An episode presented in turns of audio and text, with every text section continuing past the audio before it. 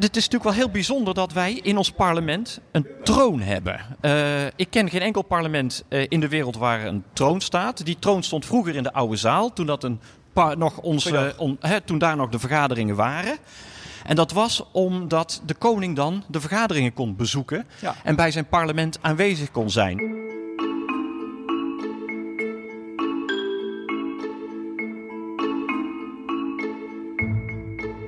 Hij is de historicus en filosoof die in de Tweede Kamer belandde. SP-Kamerlid Ronald van Raak is een oud-gediende in de Tweede Kamer. Maar de liefde voor het vak en voor zijn werkomgeving spat er nog altijd vanaf. Ga mee met Van Raak op rondleiding door de geschiedenis van het Kamergebouw. Ik ben Jeroen Stans en dit is Den Haag Centraal.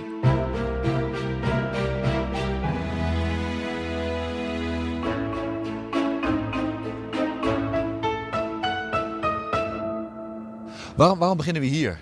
Ja, dit is de zaal. Dit is waar het allemaal gebeurt. En het leek me aardig om een uh, loopje te maken van de huidige zaal, de huidige Tweede Kamer, naar de oude zaal, de oude balzaal, eh, waar tot 1992 de Tweede Kamer vergaderde. Daarmee gaan we ook een beetje terug in de geschiedenis en wellicht komen we nog uh, aardige dingen tegen. En het is ook dit deel van het Kamergebouw dat, nou eigenlijk de hele Binnenhof natuurlijk, binnenkort weer op slot gaat. Dus je sluit ik weer een periode daarmee af. Zo is het. We gaan binnenkort uh, verhuizen. Dat gaat nog een heel gedoe worden. Maar het is ook heel erg. Ehm, ja, 200 jaar zit het parlement hier ruim 200 jaar. Dus het is wel een beetje vreemd. Het voelt ook heel vreemd dat we hieruit zouden moeten. Ja, Ronald van Raak. Kamerlid voor de SP. Zullen we een klein stukje die kant op lopen? We gaan we aan de wandel. weg bij de, bij de plenaire zaal. Bij de Patat Bali, waar uh, jullie altijd staan uh, ja. op, op dinsdag. Ja, en waar we jullie als Kamerleden heel vaak en, en heel makkelijk ook kunnen treffen.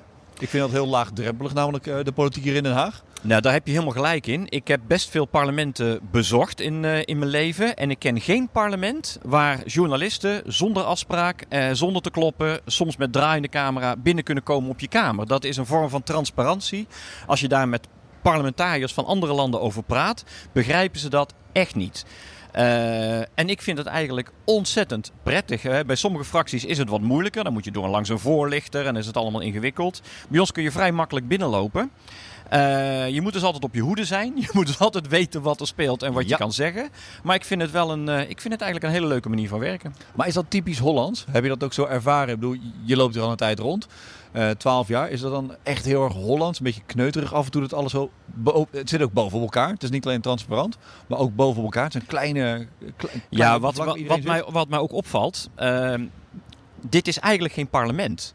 De meeste parlementen, ga maar eens in Duitsland kijken, dat is een heel groot paleis. Dat is een indrukwekkend gebouw. Uh, ons parlement, dat is eigenlijk een aaneenreiging van gebouwen. Oude ministeries, van justitie, van koloniën, ja. een oud hotel. En daar allemaal is oude gebouwen. een heel ding overheen gezet.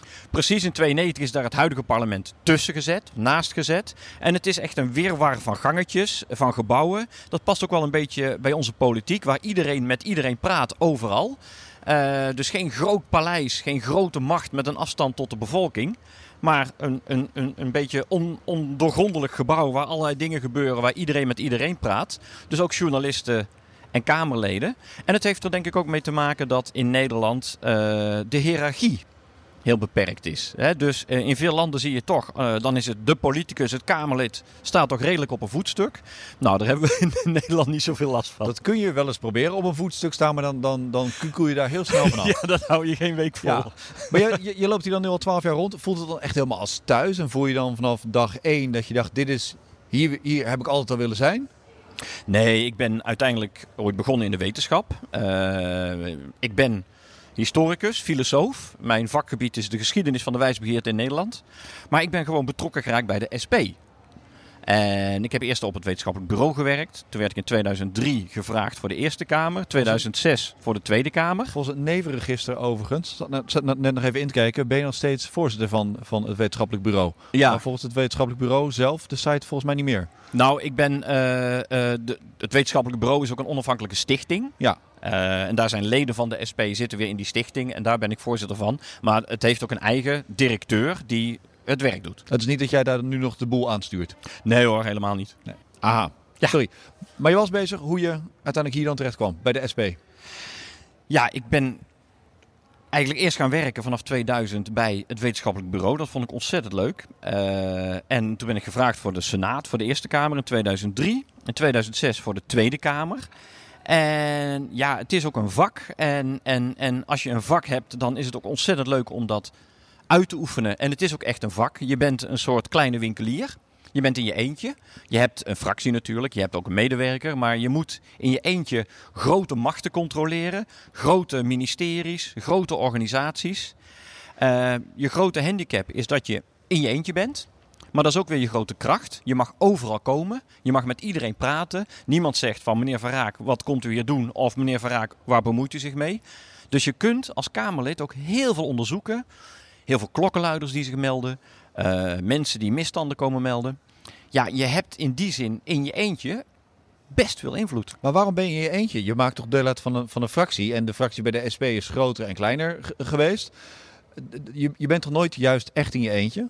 Nee, dat klopt. Je bent natuurlijk onderdeel van een fractie waar je de taken verdeelt. Ik doe uh, binnenlandse zaken, democratie, grondrechten, uh, veiligheid, terrorisme, dat soort dingen, politie. En anderen doen weer heel andere dingen.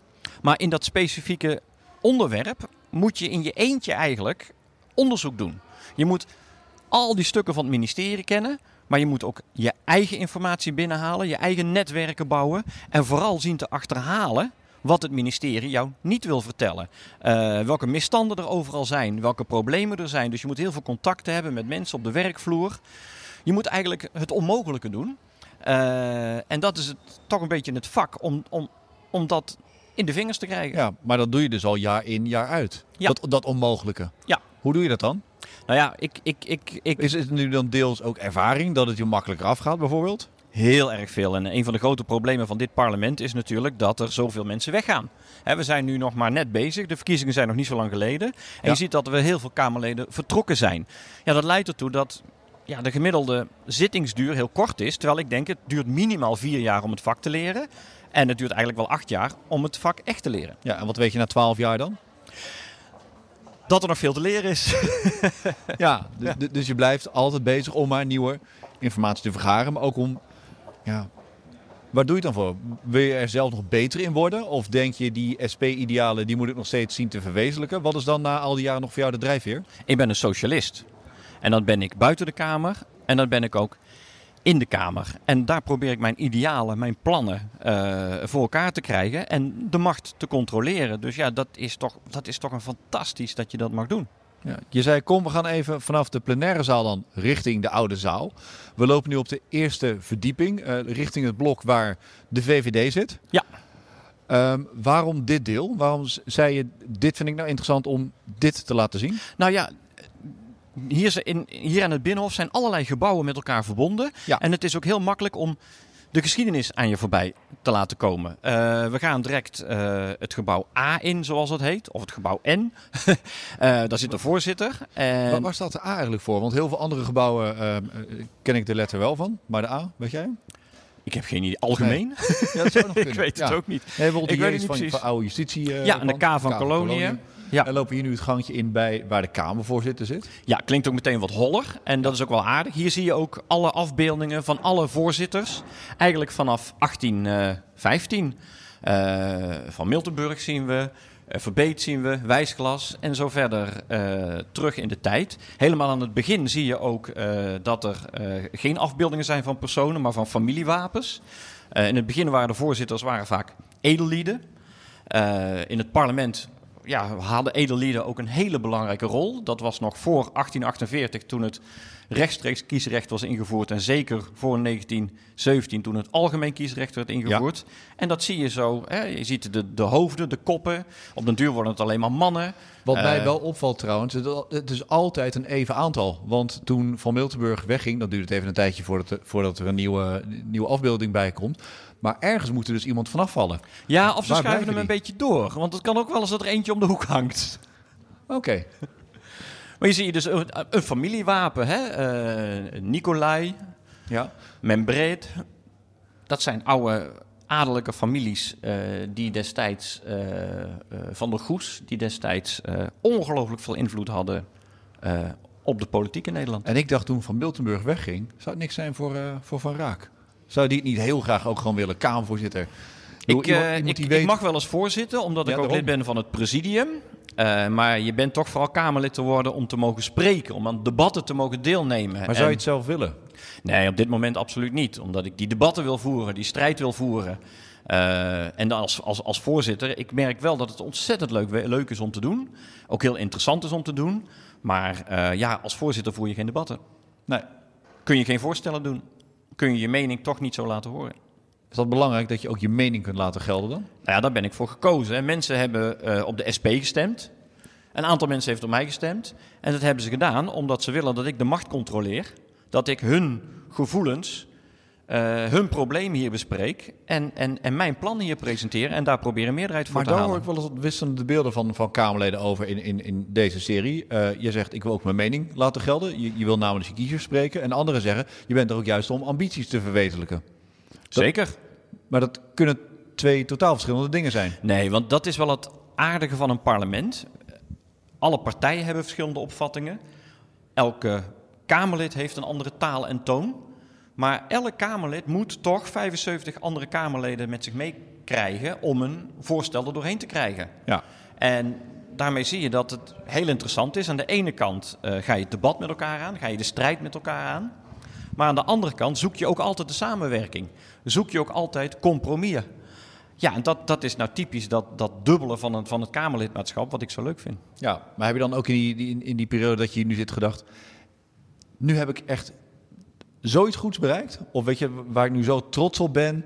Of waar je denkt, ja, top, nou, kijk, wat ik, waar ik heb bijvoorbeeld heel veel te maken gehad en nog steeds met klokkenluiders. Ja. Mensen die grote maatschappelijke misstanden melden waarvan je denkt hier moet iets aan gebeuren.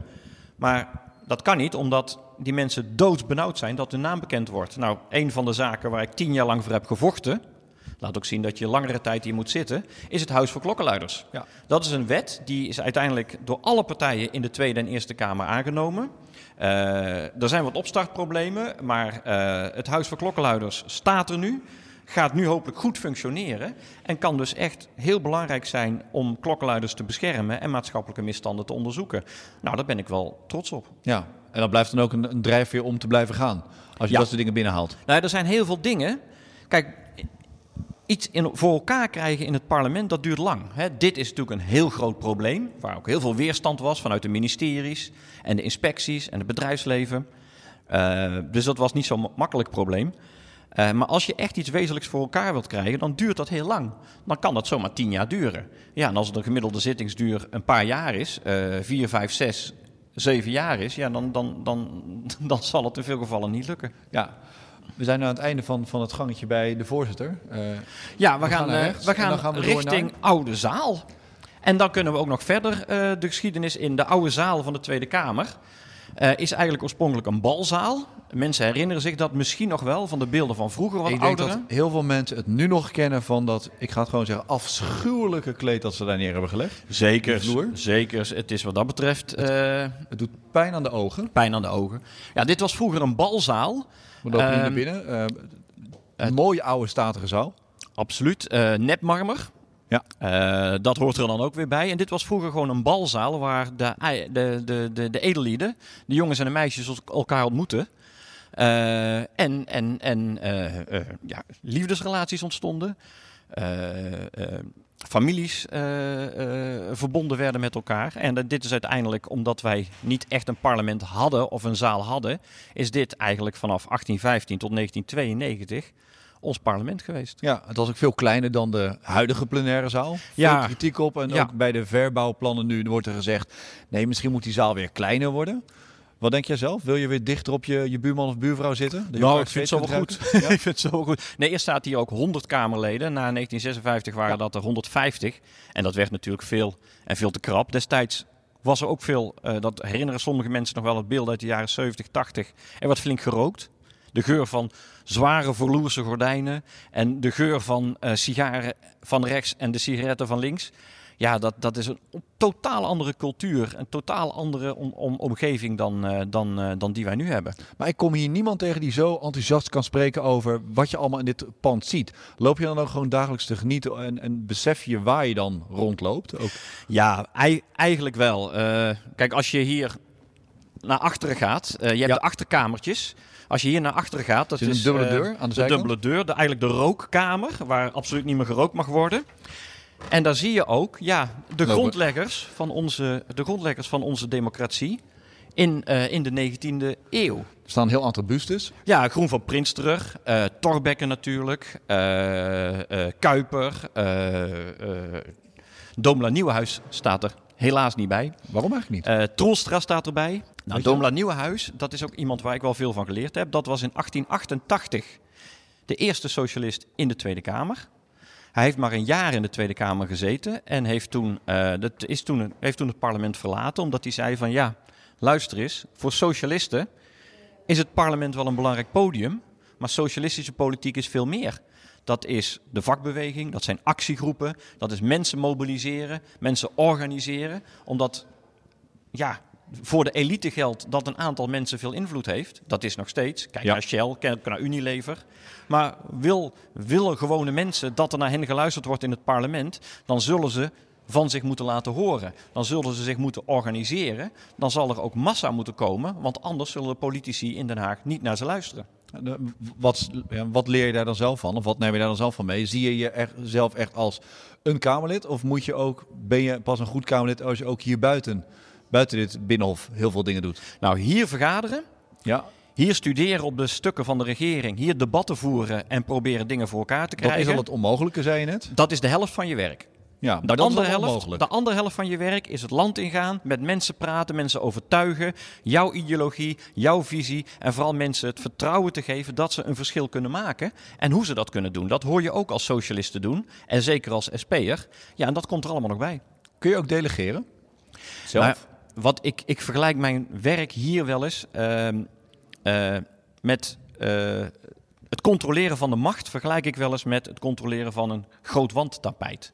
Je kunt alle draadjes proberen te kennen. Dan moet je zeven dagen in de week, 24 uur per dag studeren op de stukken van de regering. En dan heb je nog maar een deel. Wat je als Kamerlid moet leren, en dat duurt soms jaren, is om losse eindjes te vinden. Waar Waar klopt het niet? Waar zit er Ja. iets mis? En dat staat nooit in de brieven van de regering. Daarvoor moet je het land in. Daar moet je naar bij organisaties, bij bedrijven, bij gemeenten op bezoek. Moet je met mensen praten, met klokkenluiders, mensen op de werkvloer. En dan moet je die losse draadjes zien te vinden. En blijven trekken. En debatten aanvragen. En onderzoek doen. En alternatieven presenteren. En de media mobiliseren. En daar je verhaal doen. Samen met mensen. En blijven trekken en blijven trekken. En als je maar hard genoeg getrokken hebt en het wandtapijt blijft, dan zal het wel goed zitten. Eh, en als het niet goed zit, dan valt het uit elkaar. En dan wordt er duidelijk waar het probleem zit. Maar heb je daar ook wel eens over met collega-Kamerleden? Of van de SP of van andere partijen? Want je ziet ook dat er genoeg Kamerleden zijn die er aan- onderdoor gaan. Een paar maanden geleden nog van de SGP. Iemand die, eh, de werkdruk is zo hoog hier. Op een gegeven moment kom je in de knel. Ja, wat, wat de gein is, wat, wat het geheim is, weet ik niet. Dat is ook heel persoonlijk. En ik denk dat dat ook voor iedereen verschillend is. Wat ik probeer is eh, ruimte te maken. Lucht. Lucht in de agenda. Ondertussen weer even teruglopen naar de, naar Ja. de oude zaal. Eh, lucht in de agenda, maar ook lucht in je hoofd. Ruimte in je hoofd. Dus veel nadenken. Ja. Veel lezen, veel met mensen praten. Ik heb zelf bijvoorbeeld ook een wekelijkse column eh, op een website, de Post Online. Dat dwingt mij ertoe om, om ja, buiten de waan van de dag om je gedachten te laten gaan. Boeken te lezen, met mensen te praten. Eh, te blijven nadenken. En dat is natuurlijk het grote gevaar wat je als Kamerlid hebt. Je wordt zo bedolven onder de informatie, onder de media, onder de lobbyisten, onder de wetenschappers, onder de belangengroepen. Ja, dat je soms wel eens eh, eh, geleefd wordt. ja, maar ga je dan ook af en toe geloven dat, je, dat, dat, dat wat je doet misschien wel het belangrijkste is in de wereld, jouw baan? Nou ja, kijk, het allergrootste De aandacht gevaar... is namelijk altijd. Ja, maar het grootste gevaar voor het Kamerlid is hoogmoed. Eh, ik denk dat je eh, heel veel zelfvertrouwen, zelfs een beetje hoogmoedig moet zijn om het werk te kunnen doen. Je moet namelijk tussen die 150 Kamerleden toch voorop lopen, Ja. initiatief durven nemen. En tegelijkertijd is die hoogmoed ook je grootste gevaar. Want op het moment dat jij gaat denken dat jouw ambt, dat jij dat zelf bent, hè, dat, dat jij als persoon zo belangrijk bent, ja, dan ben je weg. Maar dat gevaar is er toch altijd. Als je net omschrijft hoeveel tijd het kost om het werk hier te doen. Dat noem je al het onmogelijke. Er komt daarnaast nog een keertje het werken bij buiten het Binnenhof. Ehm, je bent een en al werk. Ja, maar ik heb gelukkig ook een politieke partij met leden. eh, in een fractie. En veel mensen die ik opzoek, die mij ook elke dag weer uh, met beide voeten op de grond zetten. Hè, dus uh, mocht het mij al eens uh, hoog in de kop komen, dan, dan wordt me dat snel ook weer afgeleerd. Ja, wie zegt dan als eerste, hey Van Raak, doe eens normaal? Mijn vrouw natuurlijk, hè. Ja. En durft dat in de fractie? In de fractie, ja zeker. Nee, er wordt, dat, dat, je moet echt, echt voorkomen dat, dat je denkt dat jij het bent. Je, je, als Kamerlid heb je een ambt, heb je een, een, een hele belangrijke publieke taak. Uh, uh, en, maar je bent niet je functie. Nee. We lopen nu overigens bij hele mooie trappen. Hier uh, achter de oude zaal zie je de schilderijen van al onze koningen. Ja. Willem-Alexander, Beatrix, Juliana. De opgang van de oude uh, plenaire zaal. Ja, en ook Willem, Julie, Emma nog. Willem II, Willem I natuurlijk en Willem III. En de troon. Nou ja, dit is natuurlijk wel heel bijzonder dat wij in ons parlement een troon hebben. Uh, ik ken geen enkel parlement uh, in de wereld waar een troon staat. Die troon stond vroeger in de oude zaal, toen, dat een nog onze, on, toen daar nog de vergaderingen waren. En dat was omdat de koning dan de vergaderingen kon bezoeken ja. en bij zijn parlement aanwezig kon zijn. Nou, de koning kwam daar uiterst zelden. In 1904 is de troon daar toen weggehaald. Toen is hij hier ergens in de kelder verdwenen. En in 1964 is de troon hier in het traplokaal uh, weer teruggezet. Dus ja, toen ik dit voor de eerste keer zag, was ik ook wel een beetje verwonderd van wat doet hier nou een troon hier in het parlement? Maar er zit toch wel een interessante geschiedenis uh, achter. In 1904 overigens, toen de troon uit de Tweede Kamer werd gehaald, ja. toen is daar dus het spreekgestoelte voor in de plaats gekomen. Dat we nu nog iedere dag gewoon kunnen zien. Precies. Ja, en in het verleden gebeurde het ook wel eens. Ja, de troon stond altijd leeg. Dus dan had je wel eens dat een brutaal Kamerlid dacht... weet je wat, ik ga even in de troon zitten... dan kan ik mijn andere Kamerleden beter adresseren. Ja, daar hangt nu wel heel keurig netjes een touwtje voor met een bordje erbij. Verboden om op te zitten. Dat is ook zo. En uh, officieel, officieel zal ik dat ook nooit laten gebeuren bij bezoekers. Nee, heb je het ooit zelf gedaan? Daar kan ik niets over zeggen. Nee, zelf heb ik het niet gedaan. Nee? heb je ooit gezien dat iemand erop ging zitten? Ik heb wel eens gezien dat iemand erop ging zitten. Dit gebouw kent vele geheimen. Ja. Toch? Ja. Um, zijn er ook dan ontzettend veel geheimen of dingen die je zelf in die afgelopen periode hebt gezien waarvan je denkt: oh wauw, als ik hier ooit nog een keertje veel over zou kunnen vertellen? Nou ja, wat ik heel interessant vind is bijvoorbeeld uh, van Oldenbarneveld. Ja, welke kant is dat op? We, zijn nou, we, we gaan die kant op. In. We staan tussen twee klapdeuren in. We gaan nu naar de VVD-fractie, waar een ja. rondleiding wordt gehouden. En dat is interessant, want die rondleiding die gaat ook langs de Vrede van Münster. Die hangt hier een beetje verloren in het VVD-gebouw. De Vrede van Münster, enkele luisteraars zullen dat nog wel weten. Uh, dat was eigenlijk uh, uh, het einde van de 80-jarige oorlog. Op dat moment werd de vrede gesloten tussen Spanje en de Nederlanden. En eigenlijk het begin van ons onze republiek. Het begin ja. van Nederland. Nederland was natuurlijk oorspronkelijk een republiek, een burgerlijke samenleving. Later zijn we een koninkrijk geworden, op, omdat dat moest van andere landen.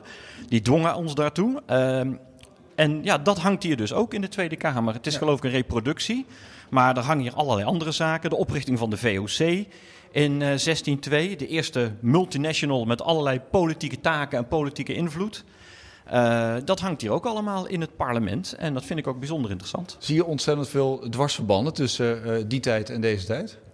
Nou ja, kijk, als je. Uh, ik hoef de discussie over de dividendbelasting er maar bij te halen. Ik denk, ik ga het woord niet gebruiken. We, zitten hier, we lopen hier over de VVD-vleugel. Uh, ja, als je ziet wat de invloed is van Shell en wat de invloed is van Unilever, die hoeven maar even te bellen met de premier. En als je dan ziet dat politieagenten hier actie moeten voeren, dat mensen in de jeugdzorg, in het onderwijs.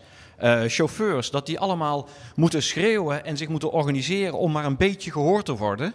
Ja, dan is het verschil met Unilever en Shell wel heel erg groot. Ja, maar heb je dan nooit gedacht in al die jaren, oh, had ik ook maar met de SP in zo'n positie gezeten, dat je in het centrum van de macht zit? Nou ja, we hebben gelukkig op heel veel plekken in het land bestuurd. Dat doen we nog steeds. Ja, en dat gaan we hier ook een keer doen.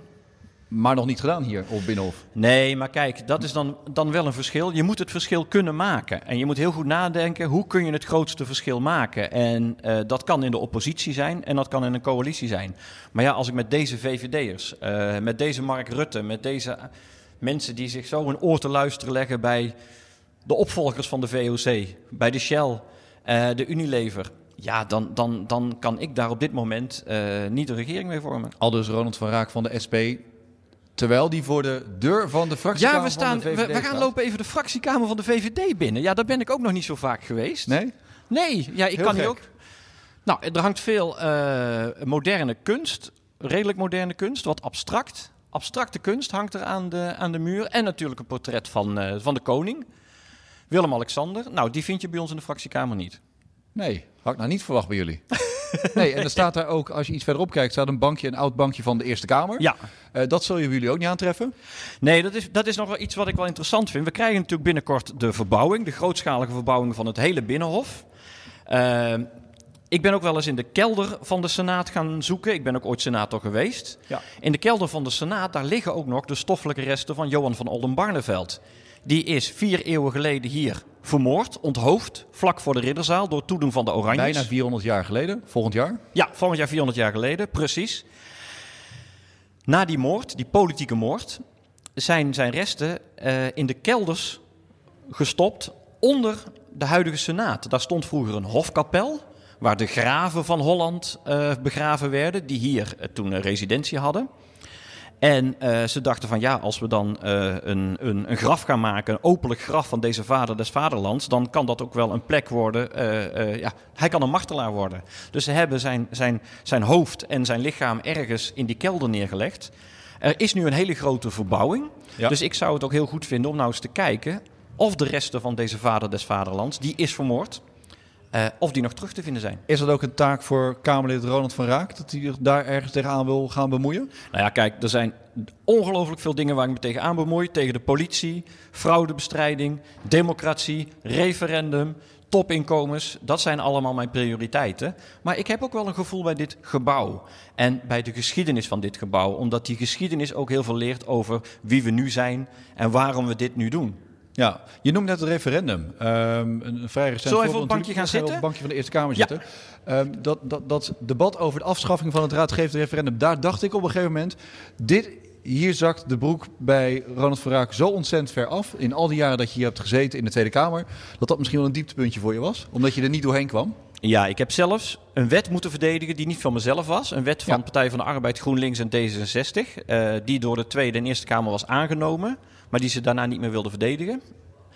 Uh, ja, dat is echt een. Uh, ja, binnenkort gaan we ook het algemeen kiesrecht herdenken. Uh, een fantastisch moment voor iedere politicus en zeker voor socialisten, omdat socialisten dat voornamelijk hebben bevochten. De liberalen hebben het parlement gecreëerd, maar socialisten het algemeen kiesrecht. Denk aan Domela Nieuwenhuis.